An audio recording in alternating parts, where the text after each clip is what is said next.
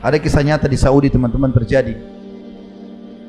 Ini kisah nyata dinukil oleh seorang dokter bernama Muhammad, beliau dosen di Ummul Qura dan beliau pernah berkata tentang kisah ini. Saya dengar ceramahnya dan saya nukil kepada Bapak Ibu sekalian.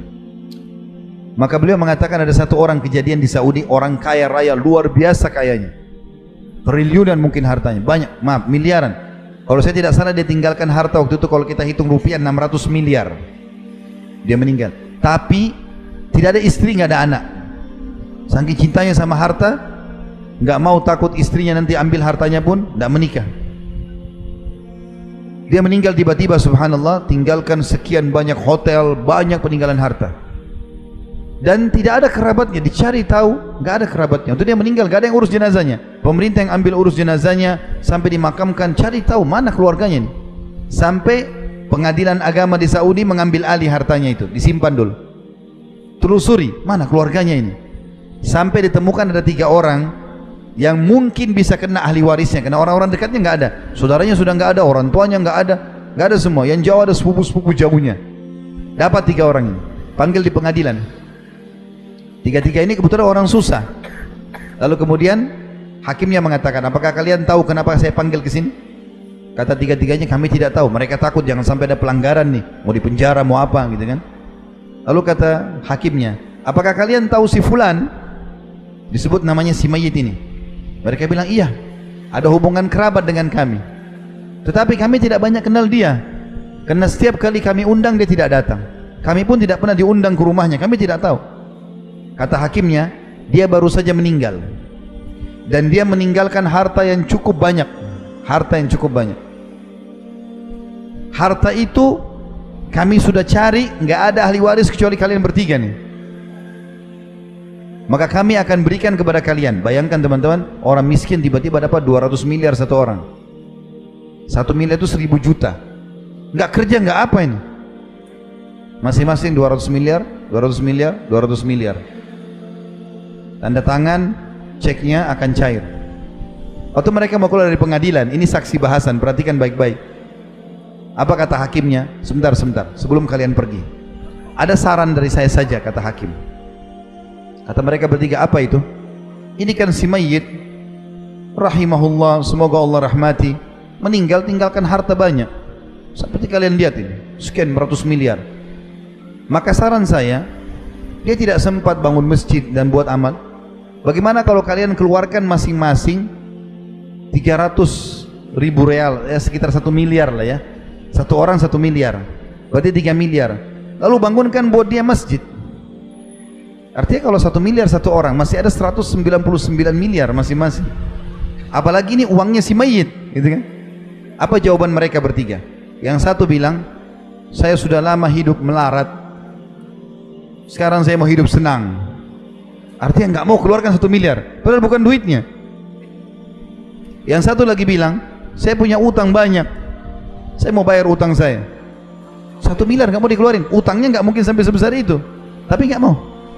Yang satu lagi mengucapkan kalimat ini juga buruk. Tapi kita ambil pelajaran.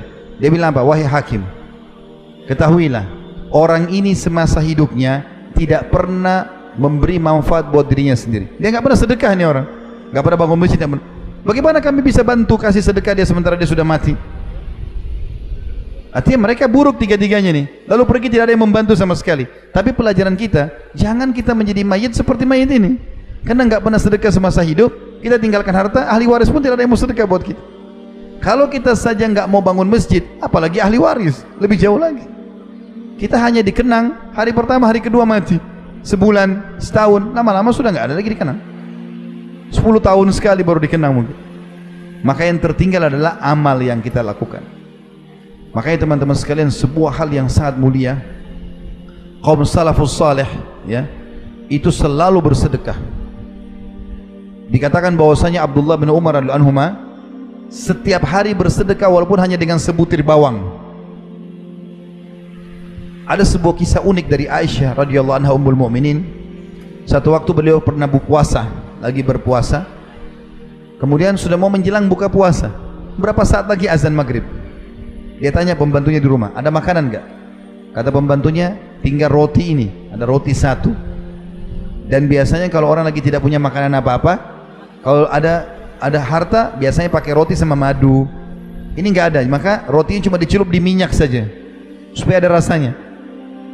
Cuma ini ya Ummul Mukminin, roti ini sama minyak. Kata Aisyah radhiyallahu anha tidak apa-apa, siapin untuk buka puasa. Menjelang berapa saat mau buka puasa nih? Bayangkan tidak ada makanan, tidak ada apa-apa di rumah.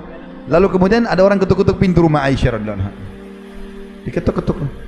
Setelah ketuk teman-teman sekalian dibuka oleh pembantunya Aisyah. Banyak orang miskin minta makanan. Maka kemudian pembantu ini bilang, ambil Mukminin ada orang miskin minta. Kata Aisyah kasih roti itu. Jangan potong-potong, kasih semua. Tapi kita tidak ada untuk buka puasa, kasih saja. Tidak usah khawatir. Dengan zat yang tidak akan pernah mati selamanya. Allah SWT. Kasih aja.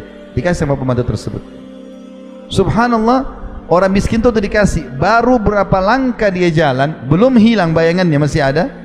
Ada satu masyarakat Madinah ngirim ke rumah Aisyah karena tahu Aisyah puasa satu ekor kambing pakai za'faran wangi-wangian roti gandum nampan besar bisa 20 orang makan kirim ketuk rumah baru ini baru hitungan detik diketuk dibuka sama pembantunya Aisyah kenapa ini ada makanan buat buka puasanya Ummul Mukminin. Maka pembantu itu bilang Ummul Mukminin ada makanan. Alhamdulillah datangkanlah. Terima kasih jazakallah khair pergilah orang itu. Lalu makanlah buka puasa mereka berdua. Setelah kenyang masih banyak ini untuk 20 orang.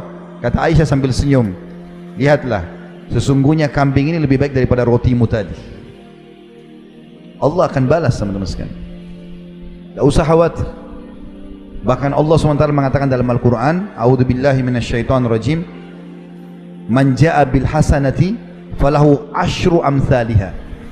Siapa yang melakukan satu perbuatan baik, maka pasti Allah akan balas dengan sepuluh kali lipat. Minimal itu.